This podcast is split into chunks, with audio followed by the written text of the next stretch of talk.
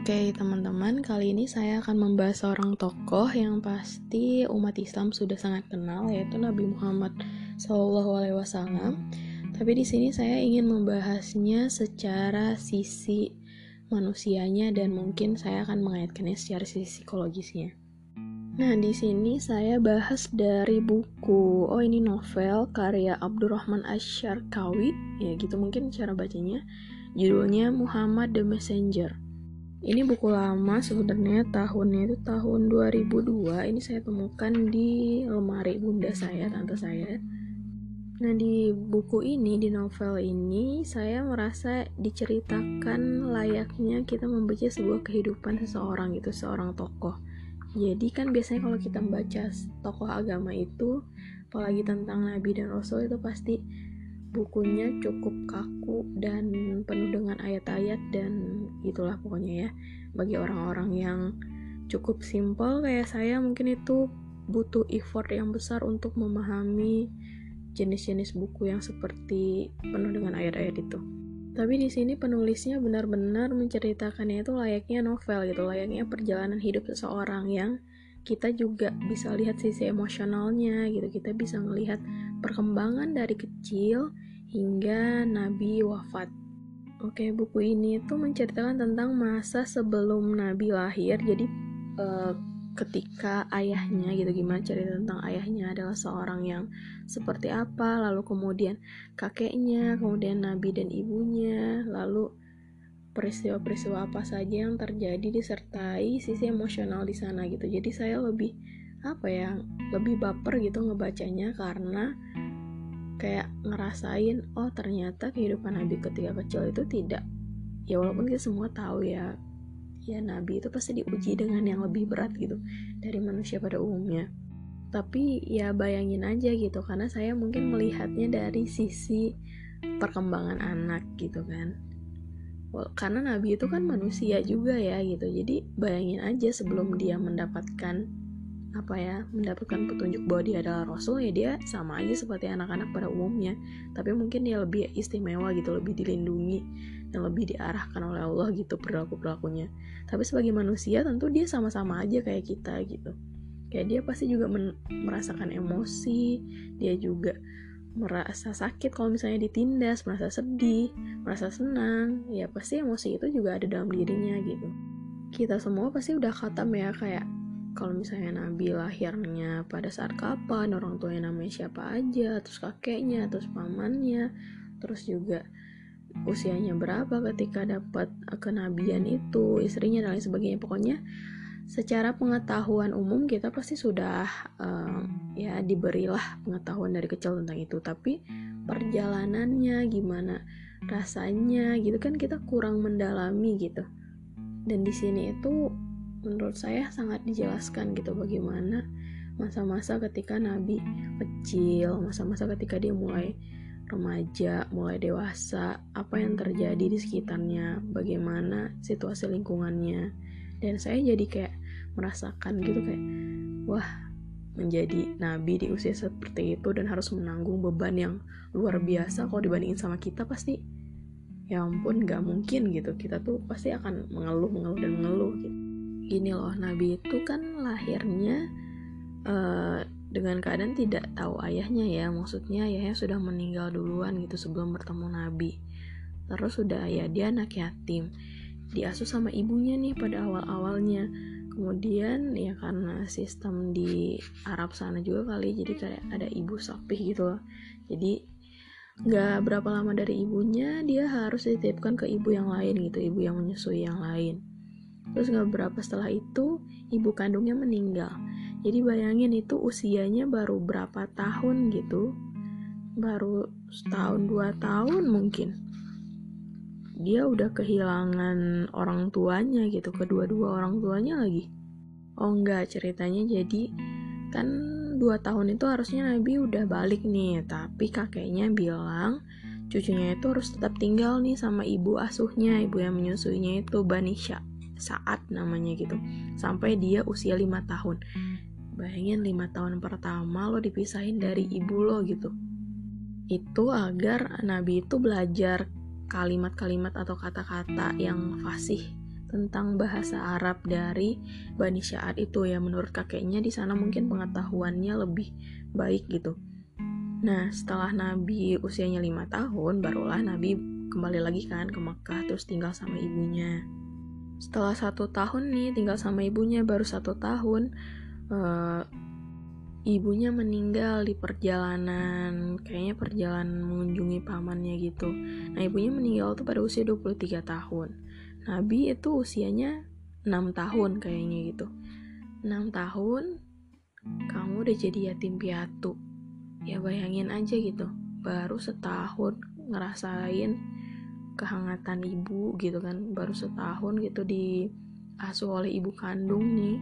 Setelah lima tahun lamanya diasuh oleh ibu susuan gitu. Terus ibunya harus meninggal lagi.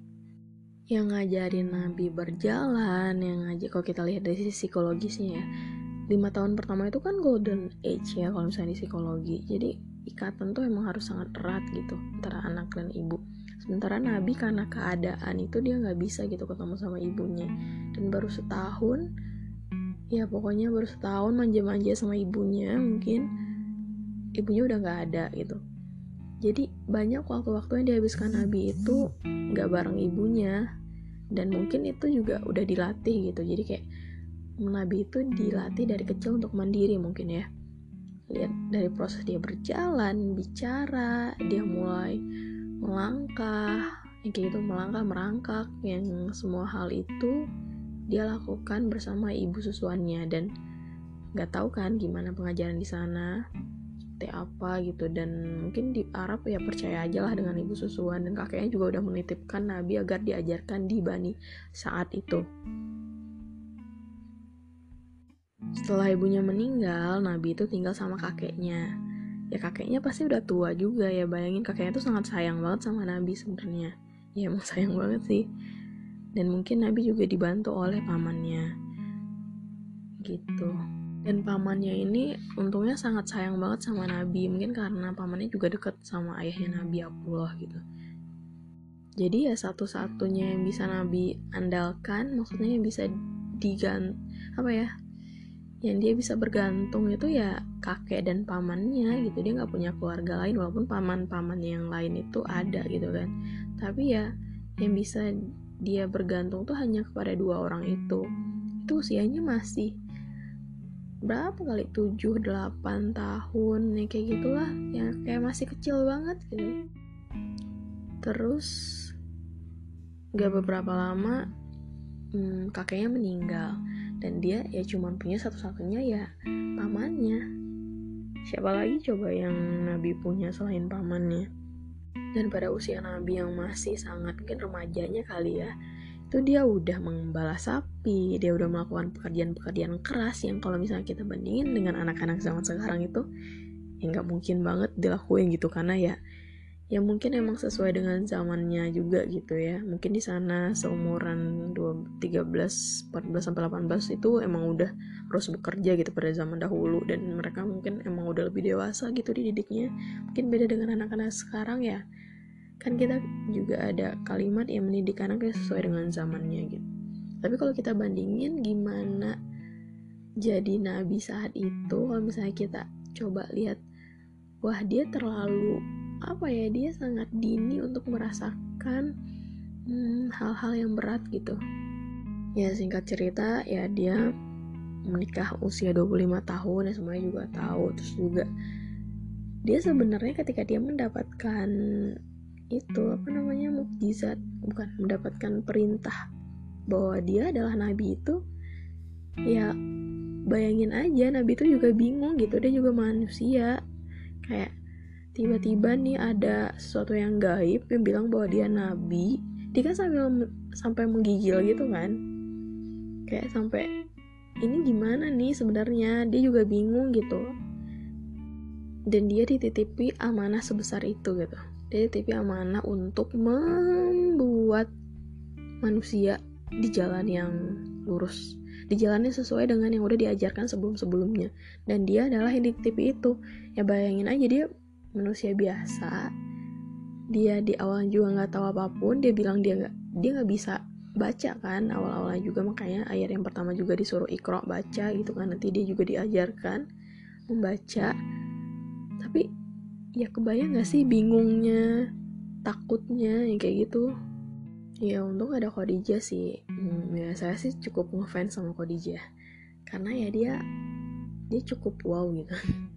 Ya dia dapat Khadijah itu dapat menenangkan Nabi dia dapat mungkin dia lebih dewasa gitu daripada Nabi pada saat itu ya secara usia juga dan dia bisa tahu gitu bagaimana caranya untuk membuat Nabi tenang dan berpikiran lebih jernih gitu untuk memahami semua yang terjadi pada dirinya.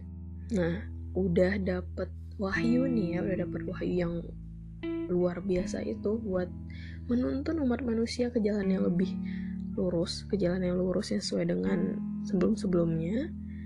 Nabi itu dapat celaan, dapat hinaan, dapat semua cemoohan, pokoknya dibully habis-habisan lah. Dibully dihina di jelek-jelekin dilempar. Pokoknya hal-hal buruk semuanya dia hadapi gitu. Ya bandingin aja kalau sama kita. Kalau kita paling ya mana mau gitu kan. Maksudnya kayak ya lah gue mau ngasih lo hal yang baik kok malah gitu sih tanggapannya. Tapi ya balik lagi dia adalah nabi dan rasul gitu ya. Dia memang utusan gitu. Dia punya sifat-sifat yang mungkin sabarnya lebih sabar daripada kita tingkatnya luar biasa gitu kan. Kayak ikhlasnya juga luar biasa patuhnya kepada Allah juga luar biasa ya nggak bisa dibandingin sama kita. Tapi kalau misalnya kita lihat secara sisi manusianya itu pasti nyebelin banget digituin sama orang-orang ya gak sih dia harus meninggalkan Mekah gitu kan tempat ya tempat kakeknya, tempat so keluarga-keluarganya ke Madinah demi untuk ajaran ini tuh agar bisa lebih berkembang gitu. Banyak beban-beban yang harus ia hadapin gitu, hinaan dan lain sebagainya ya. Untung ada sahabat-sahabatnya yang masih cukup setia gitu. Nah, yang paling bikin apa ya? Bikin baper itu ya ketika akhir-akhir gitu ketika Nabi mulai wafat gitu. Dan nanti saya akan bacain itu beberapa penggalan dari novel ini. Gimana sih sebenarnya? Coba dihayatin aja gitu. Bagaimana pemaparan si penulis novel tentang apa yang terjadi pada Nabi waktu itu. Jadi bayangin aja ya itu Nabi itu dari kecilnya itu udah susah ketika remajanya juga susah lagi. Jadi secara mentalnya itu udah sangat-sangat di ah gitulah pokoknya.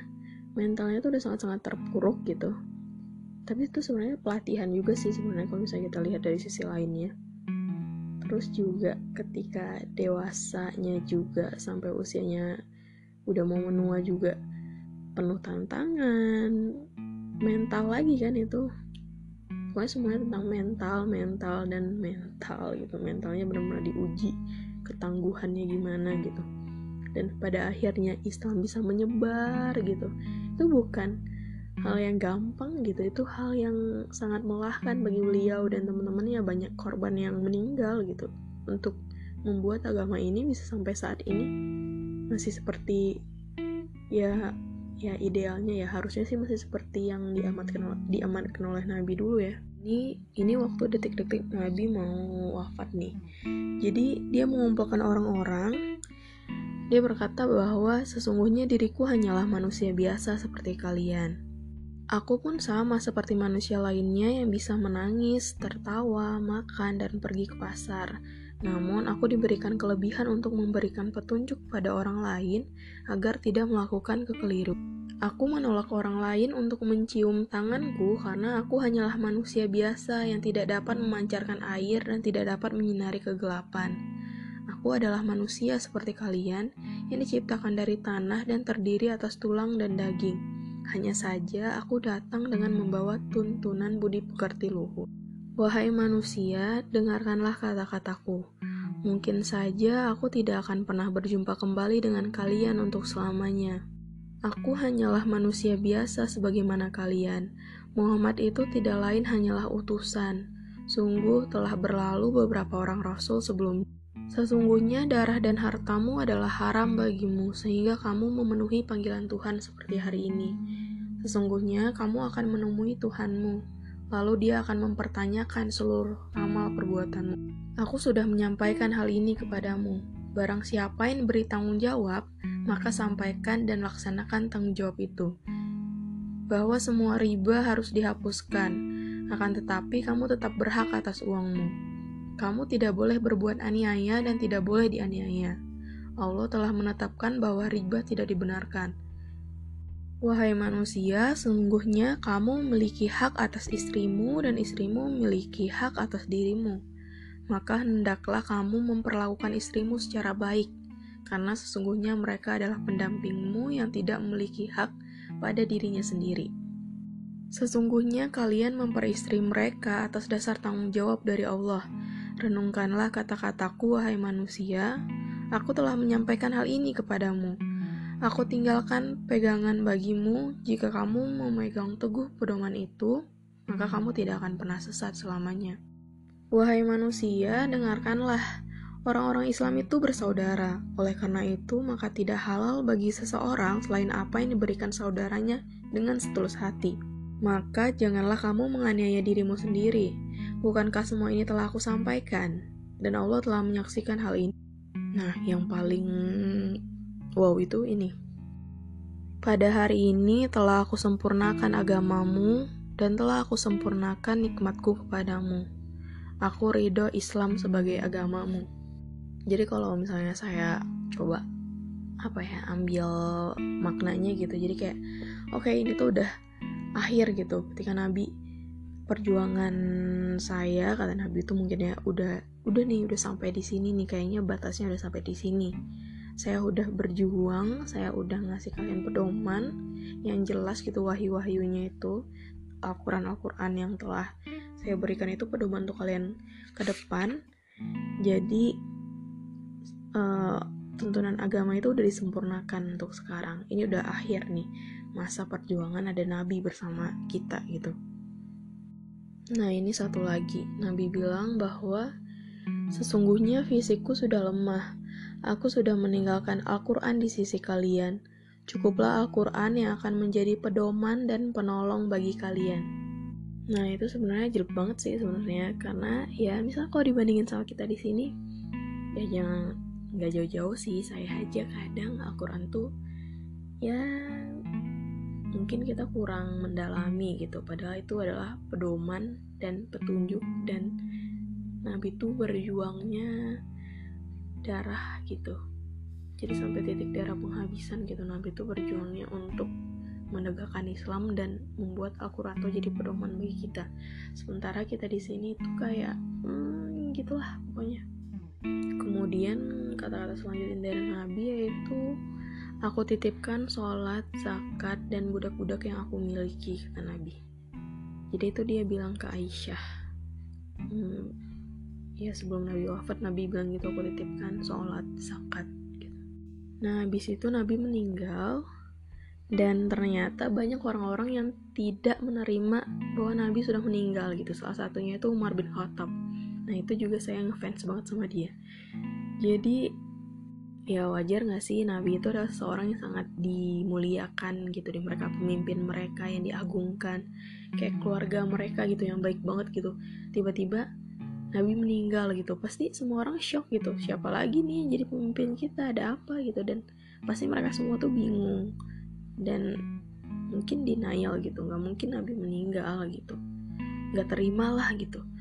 Ya saya juga mikir sih kalau misalnya saya di zaman itu mungkin saya udah paling lebay sedunia atau gimana. Kok bisa kayak gini gitu? Nggak mungkin gitu. Ya karena banyak banget orang-orang yang protes dan nggak terima dengan kenyataan. Nabi kan seorang nabi yang nggak mungkin meninggal gitu. Pokoknya banyak lah uh, teman-teman yang lain itu kayak protes gitu.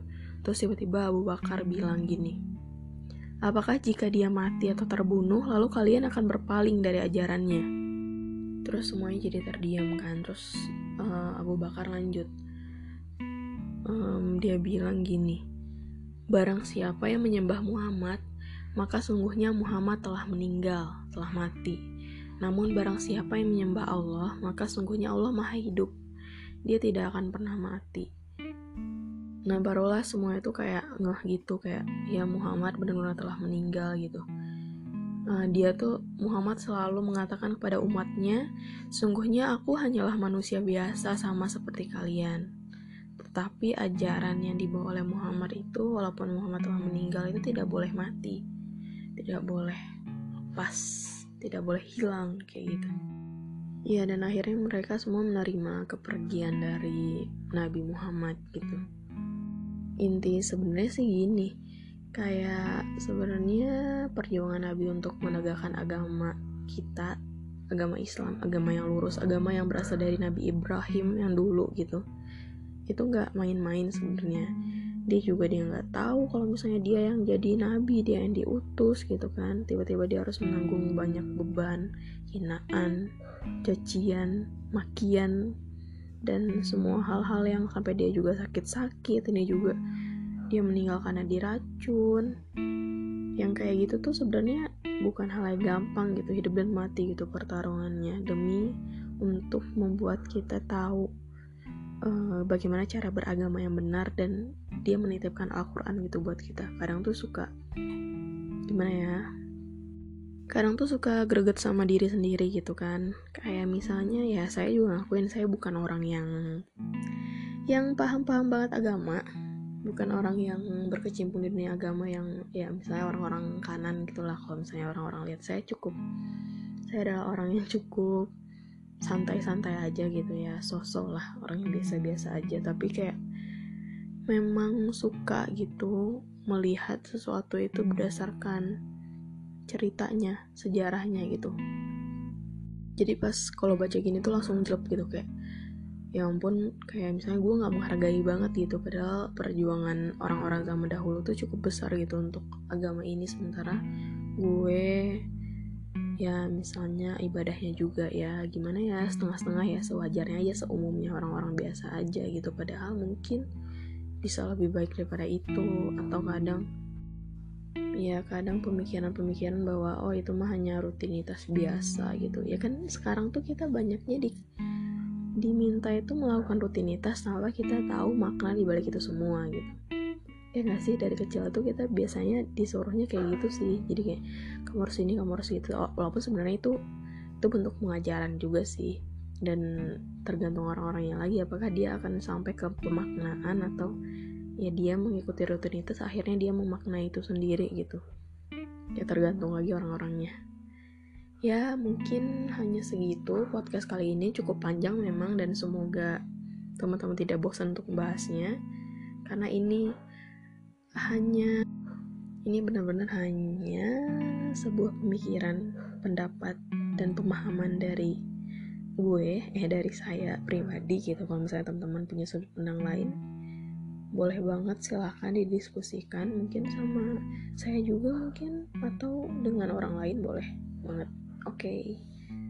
terima kasih telah mendengarkan.